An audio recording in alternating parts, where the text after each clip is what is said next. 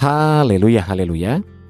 Puji Tuhan kita berjumpa kembali dalam Renungan Podcast Harian bersama saya Yudi Seda Daniel. Anugerah dan kasih Tuhan senantiasa melingkupi kehidupan kita.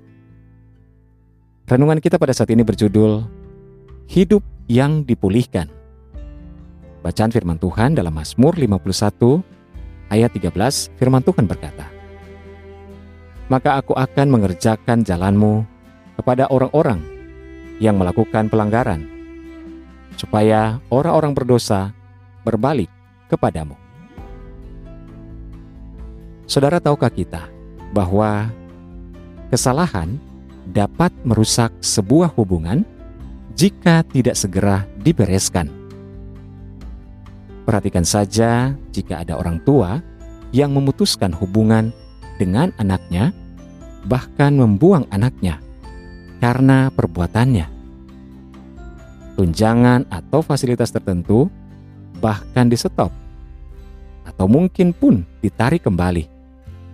Manakala orang tua tak kuasa lagi untuk mengampuni kesalahan anaknya. Ketika kita melakukan kesalahan, yang kita butuhkan adalah pengampunan dan pemulihan. Apakah itu terjadi dengan sendirinya? Sama sekali tidak. Kita dapat belajar beberapa aspek yang wajib kita lakukan jika ingin diampuni dan kita dimaafkan melalui kehidupan Daud. Pada waktu ia melakukan kesalahan, yang pertama yang Daud lakukan adalah meminta belas kasihan dan pengampunan dari Tuhan. Daud sangat menyadari bahwa belas kasih dari Tuhanlah yang akan membuatnya diampuni. Kedua, mengakui kesalahan. Daud menyadari bahwa tak ada yang dapat ditutupi dari Tuhan. Daud mengakui semua pelanggarannya di hadapan Tuhan. Ketiga, meminta kepada Tuhan agar dipulihkan kembali Daud tahu tanpa pemulihan, maka kehidupannya tidak akan berarti. Sebab Roh Kudus tidak akan bekerja lagi di dalam dirinya. Itu artinya ia tidak dapat bisa untuk bersaksi kepada dunia tentang kebaikan dan perkara-perkara ajaib yang Tuhan telah lakukan. Saudaraku, siapakah kita sehingga kita terlalu angkuh untuk berterus terang mengakui segala pelanggaran kita di hadapan Tuhan. Kita sering kali menutupi segala dosa kita di hadapan Tuhan. Saudara kita butuh belas kasihan Tuhan untuk menjalani hidup ini. Sebab itu, mari introspeksi diri. Akui dosa kita kepada Tuhan sambil memohon agar supaya Ia mengampuni dan memulihkan kehidupan kita. Kendati tentunya kita tidak akan luput dari konsekuensi atas perbuatan kita.